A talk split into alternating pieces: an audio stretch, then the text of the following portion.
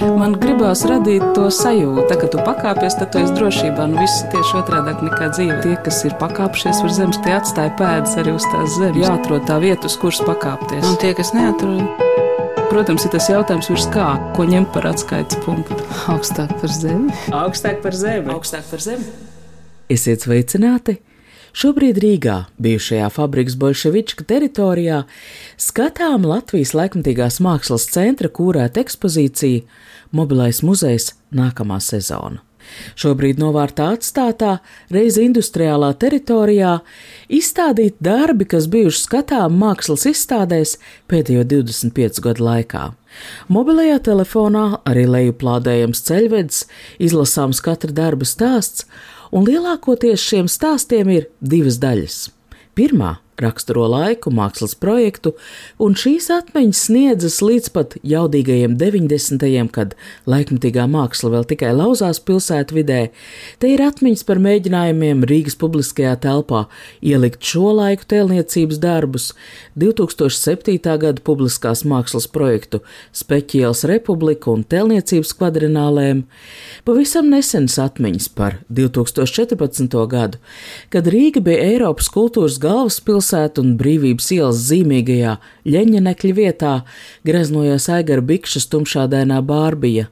Ir atlūzis no ekspozīcijas sniegā ieraktiem cilvēkiem Evelīnas Deičmans vidas darba pārējošas bēdas, ar kuru Latvija 2009. gadā piedalījās prestižajā Venecijas mākslas bienālē.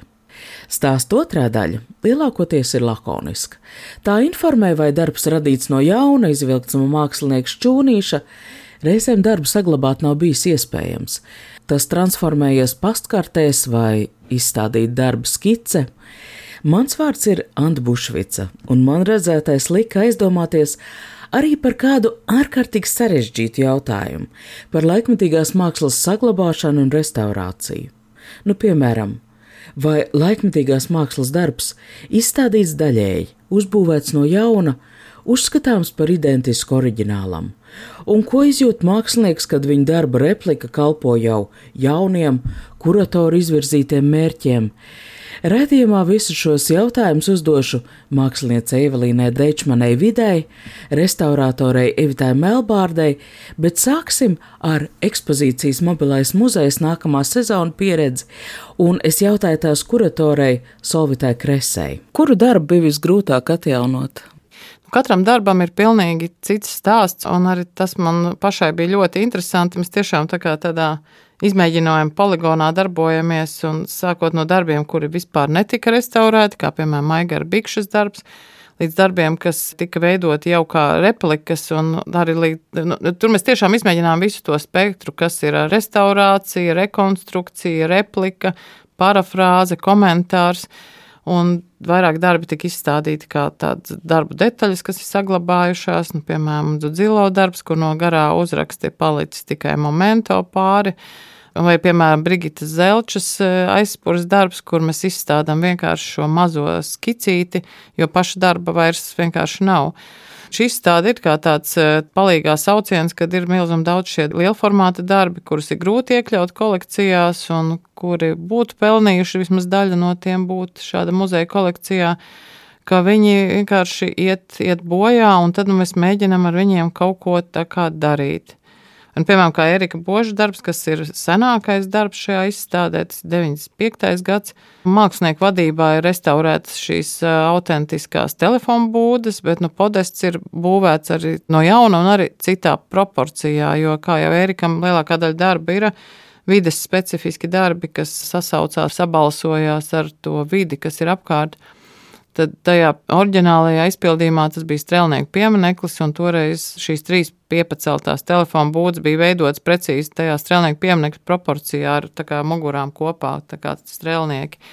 Tad šeit, atkal Bolševičkas teritorijā, viņām bija jācīkstās ar šo grandiozo, brīnišķīgo industriālo ēku, un tad Eriks izlēma viņus pacelt augstāk. Un, nu, ļoti, nu, ļoti pareizs lēmums, un tad tie darbi tur arī iedzīvojās. Un tad ir tas jautājums, vai tas ir tas pats darbs. Mūsdienu mākslinieki bieži vien strādā gan ar sociālo kontekstu, gan arī, teiksim, šīs telefonu būdas. Nu, viņas šobrīd, 2020. nolasās pavisam savādāk nekā 1995 95. kad telefona būdiņa šādu ielās bija nu, ierasts objekts.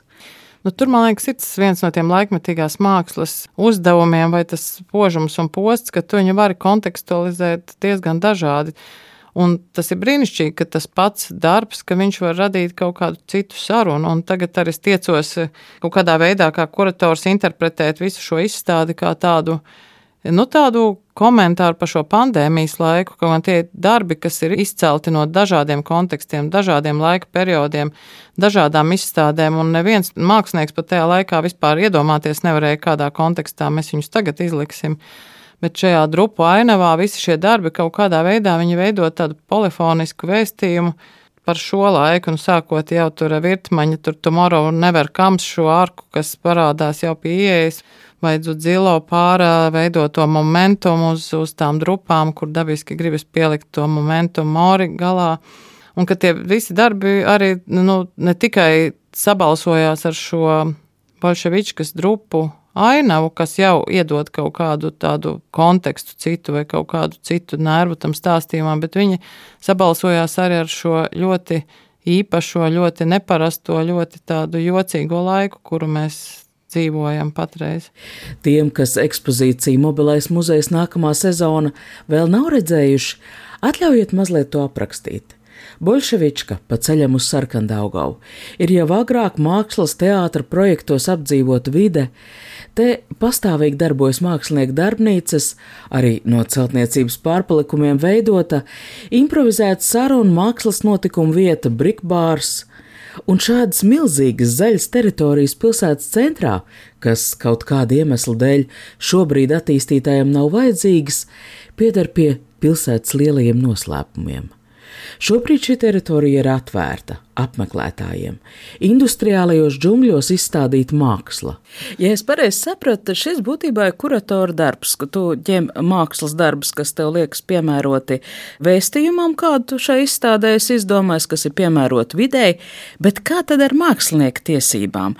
Laikmatīgajā mākslā tas darbojas savādāk, ka par mākslas darbu būtībā samaksā viņa tapšanas brīdī. Laikdienas mākslas centrs mēs ļoti bieži izstādēm producējam jaunus darbus, respektīvi mēs finansējam mākslas darbu tapšanu, bet mm, tas nenozīmē nevienu brīdi, ka tas ir mūsu īpašums, tas joprojām mākslinieka īpašums šis darbs. Un mākslinieks var brīvi rīkoties ar šo darbu. Tur jau ir tā kuratora mākslinieka sadarbība. Ja kāds mākslinieks saka, nu es negribu, ka tu man darbu lietas šitādā kontekstā un piešoju viņam šitādu birku, tad jau mēs arī to nu nedarām. Latvijas laikmatīgās mākslas centra vēstījums ir skaidrs. Bet es gribu izzināt arī mākslinieku sajūtas. Viena no bolševičkā skatāmās ekspozīcijas māksliniecēm ir Evelīna Dečmana Vida. Es gribu zināt, kā māksliniekiem tika formulēts viņu uzdevums, veidojot šo izstādi. Tur nebija tāds uzstādījums radīt jaunu darbu, bet uh, vairāk uh, konceptā es sapratu to, kam arī pieķērās vairāk mākslinieki eksponēt jau esošos lielu formātu darbus, vai arī, ja tas darbs nav izdzīvojis, tad tiek viņš transformēts skatītājiem interesantā veidā. Manā gadījumā sanāca tā, ka tie paši darbi daudz nav izdzīvojuši, un man tad bija vai nu tā darba iepakojums, pārvadājot uz starptautiskām izstādēm, vai nu arī daļa no tiem darbiem. Līdz ar to man likās interesanti veidot tā tādu kaudzi no tiem.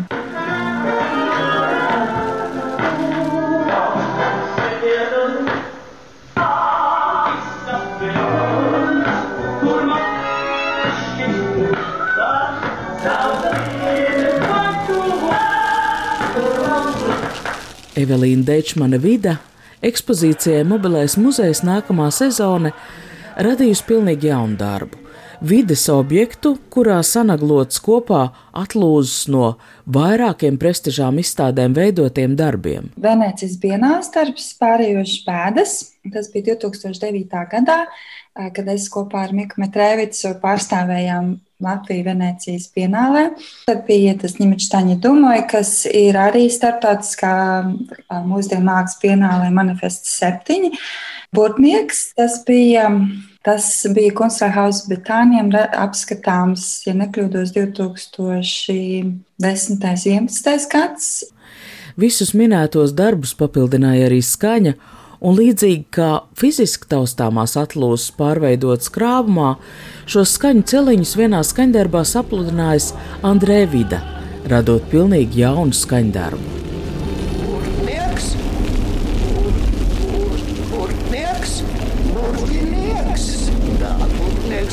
zemē. Un viss ir ezerdibenā. Tie, kas tiešām salasīja no, no tiem šķūņiem, kur viņi man pagrabījumi bija ielikti, sakrit tā, ka tas viss ir par laiku. Man kaut kāda konceptuāli likās, kad, kad ļoti veiksmīgi tai tēmai kas tiek izvirzīta par muzeja nesamību. Un šeit arī laiks pasaka, laika dalīšanu, nedomā, pat nesapņo. Pārējošās pēdas kaut kādā ziņā ar tādu, varētu teikt, negativitāti liek domāt par cerību, ka tomēr kaut kas notiksies, ka tas laiks ir apstājies, kad ir kaut kāds līdzīgi kā pasakā, kāds tos darbus ir nobūris, viņi ir pārakmeņojušies, un tad nāks kaut kāds tas labais laiks vai varonis, kas eh, spēs to atbrīvot un atkal iedvest eh, dzīvību. Bet šī gadījumā es nedomāju tieši konkrētiem šiem darbiem, bet vispār situācijai kā tādai. Tāpat laikā darba aprakstā es lasu, ka vismaz divi no pieminētajiem darbiem, pārējošās bēdas un pat nesapņo, pat nedomā, ir iekļauti ABLV laikmatīgās mākslas muzeja kolekcijā. Ja šie darbi ir kolekcijā, kā viņi var vienlaikus? Ir ļoti labs jautājums. Jā, tam darbam nāca līdzi video darbi. Respektīvi, tur ir divdimensionālā daļa, kas ir izdzīvojusi. Līdz ar to varētu teikt, daļēji viņš ir, ir kaut kā paglābts. Un otram arī tas pats skatījums. Ir daļa, kas ir pat ir Krakavas mūsdienu mākslas muzejā. Tas sanāk tā, ka daļa no tā ir ir drošībā, un daļa no tā iet, varētu teikt, mirst. Es par to nekad nebiju aizdomājusies, ka veidojot šīs lielās ekspozīcijas, kā Venecijas mākslas bienālē, kā manifesta, māksliniekam ir jārēķinās, ka, ja arī kāda institūcija nopirks viņu darbu, tas diez vai tiks nopirkts pilnībā. Arī ekspozīcijas mobilais muzejs nākamā sezona gadījumā man bija jādomā par to, kā jūtas mākslinieks, kad viņa darbs tiek izstādīts atkārtoti, bet jau pilnīgi citā, kuratora iecerētā izdomātā kontekstā. Mūsdienu mākslinieks tātad ir šīs apjomīgās instalācijas, un pat šo darbu izstādot citā vietā, citā telpā, nu kaut vai purvīšu balvas izstādes gadījumā, kur bieži vien mākslinieku darbu nāks pielāgot eh, Nacionālā mākslas muzeja telpām, un bieži vien tas ir pavisam cits darbs, viņš strādā emocionāli pavisam citādāk. Jā, bet uh, man kā māksliniecei tas ir ļoti interesanti, jo tas sanāk tā kā vēlreiz viņu uzlikt uz kājām, vēlreiz viņu parādīt un jāņem katreiz vērā, ka tās tāpa ir savādāk un katreiz būs tas. Tas līdz ar to nozīmē papildu darbs, un tas nozīmē vēlreiz izsēdēt un saprast un, un iziet tam cauri, kā viņš varētu šajā telpā dzīvot.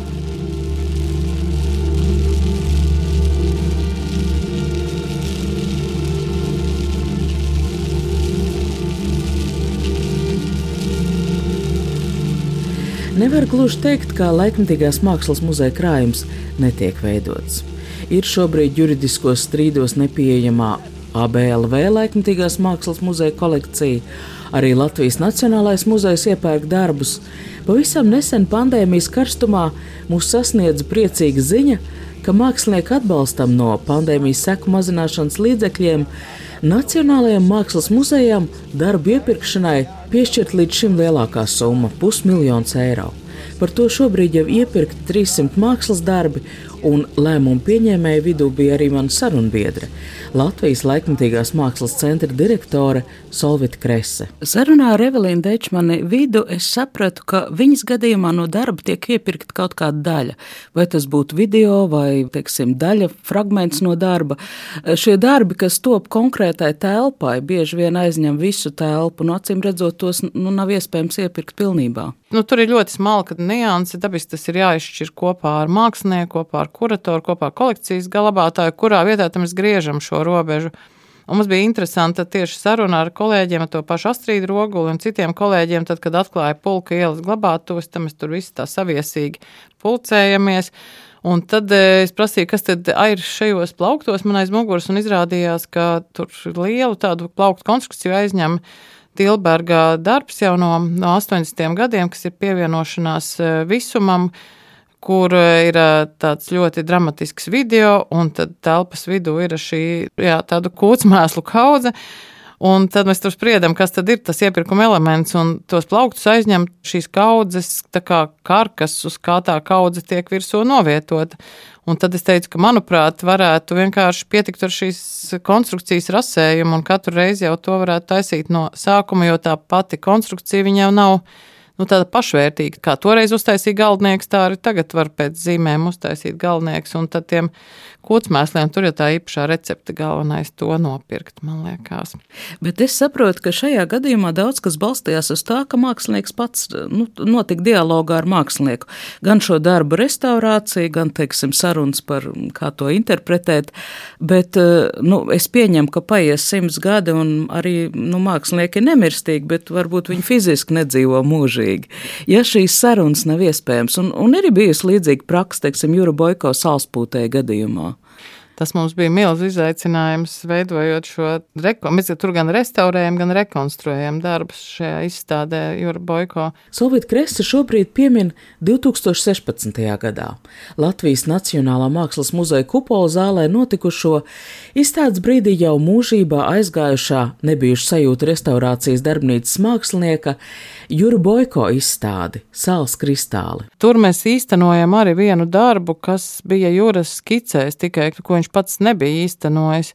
Un tas bija nu, bezgalīgi interesanti. Nu, tur mums dabiski ļoti palīdzēja tas, ka Jūra ģimene bija nodevusi mums Jūra arhīvu. Un cilvēki, kas strādāja šo izstādi, proti, Māra Žēka, ar viņu burtiski izgāja cauri, lasot viņa piezīmes, viņa kaut kādas pārdomas, un tas kaut kā ļoti palīdzēja saprast, kā viņš ir domājis šo darbu. Un tur parādījās dažādi arī tie kaut kādi tādi slēptie līmeņi, ko mēs vispār nebijām zinājuši, kā viņš bija izvietojis šo darbu uz tādiem dažādiem enerģētiskiem punktiem, nu, kad jau tādā ezotērikā kaut kas tāds balstīts, un tad tas vispār nav, nebija nu, redzams tajā darbā, kad viņš tika pirmoreiz eksponēts. To mēs tikai pēc tādiem pierakstiem sapratām un pilnīgi kaut kā no jauna nolasījām to darbu. Jā, šeit bija tie viņa pieraksti, bet ja tādu pierakstu nav, jo man liekas, ka ir ļoti svarīgi īstenībā pieņemot kolekcijā laikmatīgās mākslas darbus, ir ļoti svarīgi dot līdzi arī kaut kādu tādu no instrukciju tas būtu pārāk varbūt vienkārši teikts instrukciju arī to tehnisko aprakstu, bet arī kaut kādu mākslinieka tādu varbūt viņa tieši viņa sajūtas pavadienu, kā viņš tā kā ir veidojis šo darbu. Juru Boiko darbu šai izstādē gan restaurēja, gan arī, kā dzirdējām stāstījumā, radīja pilnīgi no jauna restaurātora Evita Melbārde. Laikmatīgās mākslas darba restaurācija tā ir tāda atsevišķa joma. Ziniet, Tā ir diezgan sarežģīta lieta, jo laikmatīgā māksla, kā jau mēs zinām, dalās ļoti dažādos mēdījos. Tāpat ir performances, ir instalācijas, darbi, kas radīti no plāsmas, darbi, kas radīti no pārtiks produktiem, no atkritumiem. Nu, tev tomēr ir jāskatās tā specializācija, kurā tu vairāk ienāc dziļāk, jo katrā no tām konkrētajām specializācijām virzieniem, tev ir eh, jāpadziļina tās zināšanas, un tu visu to kopumu nu, nevari vienlaicīgi aptvert. Šobrīd Devits Melbārds darba vieta ir mākslas centrs Zuzeum. Te arī notiek mūsu tikšanās, un šobrīd Zuzeum ir skatām izstāde, kurā tiek atrādīti Zuzānu kolekcijas darbi no Indijas. Mēs stāvam izstādē apmetnes un duncis, Indijas izdomātie laiki, pie Krišnas Murārī skulptūras skābekļa balons. Tajā divi cilvēkvērši nes skābekļa balonu, un vienam no viņiem ar vissmalkāko ādu klātajā ķermenī vīd balts caurums. Ar to tikt galā ir Evits Melbārds uzdevums. Jā, šis darbs arī ir nu, ļoti interesants, jo Jo tur ir gan uh, plastmasa, gan govs āda, gan iekšā gan stikla šķiedra. Līdz ar to tā glabāšana un viss. Es ļoti saka, mēģināju sakontaktēties ar dabas muzeju, taksodermijas laboratorijas vadītāju, ko mums darīt un kādos apstākļos glabāt. Mhm. Es jautāju, kāda vēl ir bijuši izaicinājumi laikmetīgās mākslas darbu saglabāšanā. Mums ir uh, Artūra Analta darbi, kas arī bija izstādē, pirmajā izstādē, kas mums bija tās uh, balonu kastes. Ja jūs atceraties, bija tādas kastes, un viņās tur uh, vakumā baloni pūtās un sarāvās. Un bija ļoti interesanti. Viņš bija arī tas darbs, tik, tikko tie darbi bija nu, nu, nu, iegādāti no Artūra. Un uh, tad arī mums bija tā problēma, ka tie, tie baloni, kad piepūšās tajā vakumā, kad vakums izsūdz gaisu, Tad pēc kāda laika viņi pārplīst, jo ir tā slodze tomēr tik liela. Tad uh, mums palēmējās, man palēmējās strādāt kopā ar uh, Artūru. Tad mēs domājām, kā tehnoloģiski, uh, cik bieži tie baloni ir jāmaina. Un tad mēs tur arī diskutējām par to, kurā brīdī. Bet tā iespēja, ka tu sadarbojies ar mākslinieku, restaurators sadarbojās ar mākslinieku un uh, iziet cauri viņa tehnoloģijai. Es kā no savas puses uh, pajautāju tādus jautājumus, tas man liekas, ir uh, vislabākais, kas var būt tādā kontekstā. Jo tiklīdz tu nevari kontaktēties ar mākslinieku, tev nav iespēja, pieņemsim, vai viņš arī nav vairs dzīves, tad atkal ir sarežģītāk. Tev tas viss tehnoloģiskais ceļš pašam ir jāiziet kā tas darbs tāpīs, jāizmēģina eksperimentāli, tāpat kā Boiko gadījumā kā viņš ir veidojis tās nosālīto stiklu virsmas. Jo man bija tā, ka eh, tajā brīdī es eh, mēģināju kaut kādus piecus variantus, kā tās virsmas nosālīt, lai panāktu to pašu efektu, kas viņam arī attiecīgi ir. Un tad, kad tu mēģini un eksperimentē, tev vajadzīgs vairāk laika, bet tad, kad tu esi ar mākslinieku kontaktā, tu kādu posmu jau izlaidi, un tad tu izdomā kopīgi, ko tu vari darīt un, un līdz kādai robežai ir attiecīgi. Būtiskais jautājums, kurš izšķir, vai šis darbs ir tas pats darbs? Nu, piemēram, kaut vai Monikas formāls šis uzraksts um, nama logos, es neko negribu ne par kādu naudu, kas savulaik bija Rīgas centrā Jā. un konkrētā arī nu, gadā, kaut kādā konkrētā kontekstā. Vai tas darbs ir tas pats darbs? Mm, es arī par šo konkrētu gadījumu pirms intervijas ļoti dikti domāju mēģināju salikt tos eh, plusus un mīnusus, kurā vietā viņu ielikt vai, vai, vai, vai saprast, vai tā ir oriģināls vai nav. Bet es arī domāju to, ka eh, tas ir vēstījums, ko māksliniece konkrēti vienā laika periodā bija domājusi. Un šobrīd viņa arī ir piedalījusies, cik es sapratu, šajā visā procesā. Un arī tā iekomponēšana tajos logos ir bijusi nu, ļoti cieši, kā saka, caur viņu organizēta. Un, nu, es domāju, ka ir sarežģīti ar šo darbu, bet tad es izdomāju, ka nu, par grafikas darbiem pieņemsim, iespiedas darbi. Viņiem ir eh, pirmais no pirmais, pirmais no 500. Eh, tā, tā jau arī ir, kā saka, mēs viņu uzskatām par arī oriģinālu darbu. Un, un es domāju, šī gadījumā es arī sāku domāt, ka eh, tā ir ideja un tā ir mākslinieces oriģinālā ideja, kas ir paturpināta. 5 no 500. Jā, jā 5 no 500. Evita Melbārda izstāsta arī kādu gadījumu no savas prakses, kad mākslinieks kategoriski iebilst pret jau nopirktu darbu restaurāciju. Viņi iecerēja kā reizi iedarās darba pakāpenisku izdēdēšanu, iznīcību, ko nu savukārt muzeja krājuma glabātāja restaurātori nekādu nevar pieļaut. Es nojaušu, ka ļoti visu sarežģīja mākslas tirgus.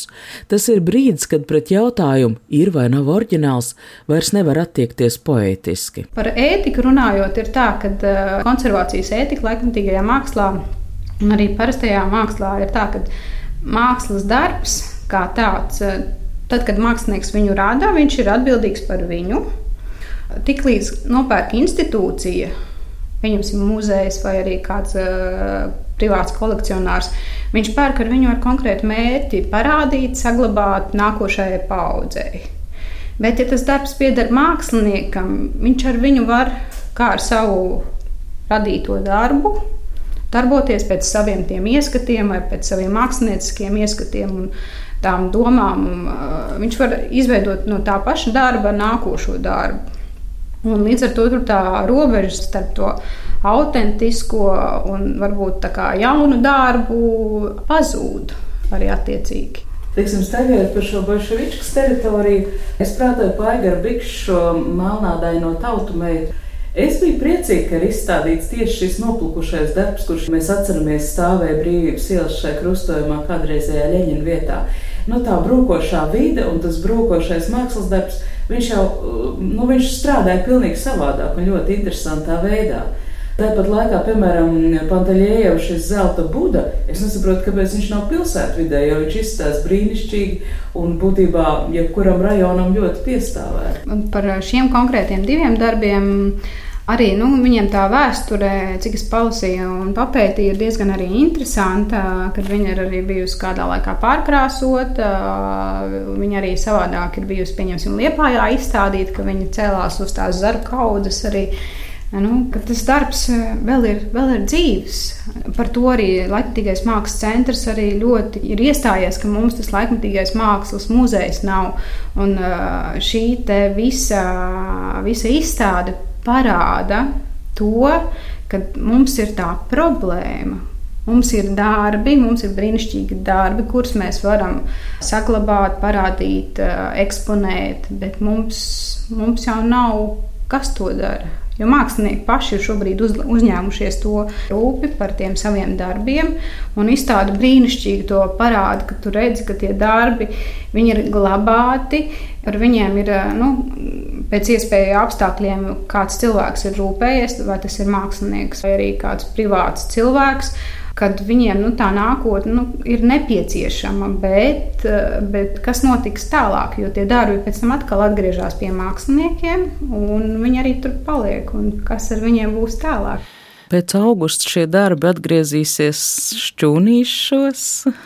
Nu, man ļoti, ļoti gribētos cerēt, ka nē, jo mums ir tāda diezgan laba pieredze, daudzgadīga pieredze jau pēc izstādēm, kurā mēs esam ieguldījuši lielu darbu un atjaunojuši mākslas darbus. Bieži vien tie darbi atrod kaut kādas tās savas īstās mājas.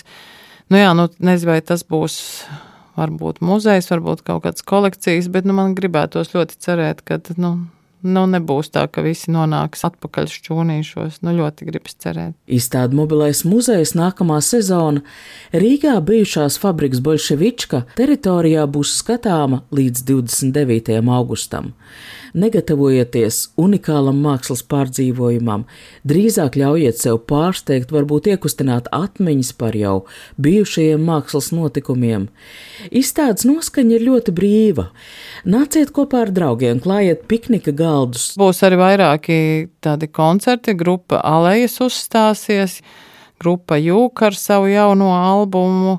Un tad mums būs virkne, virkne performances, un gan laikmetīgā dēļa, gan arī tādas procesuālas lietas. Un arī būs aktivitātes ap konkrētiem mākslas darbiem, piemēram, Haņins darbosies ap virtmaņā to grimstošo kuģi, vai arī Antons Grauds, piemēram, arī iedarbinās Katrīnas Neiburgas un Andra Eglīša un Jāņa Novika darbu, un būs ar deju skolotājs, kas mācīs dejot uz Dācis Džeriņas deju grīdas. Informāciju meklējam Latvijas laikmatīgās mākslas centra mājaslapā. Būs arī sarunas par galveno ekspozīcijas uzdoto jautājumu.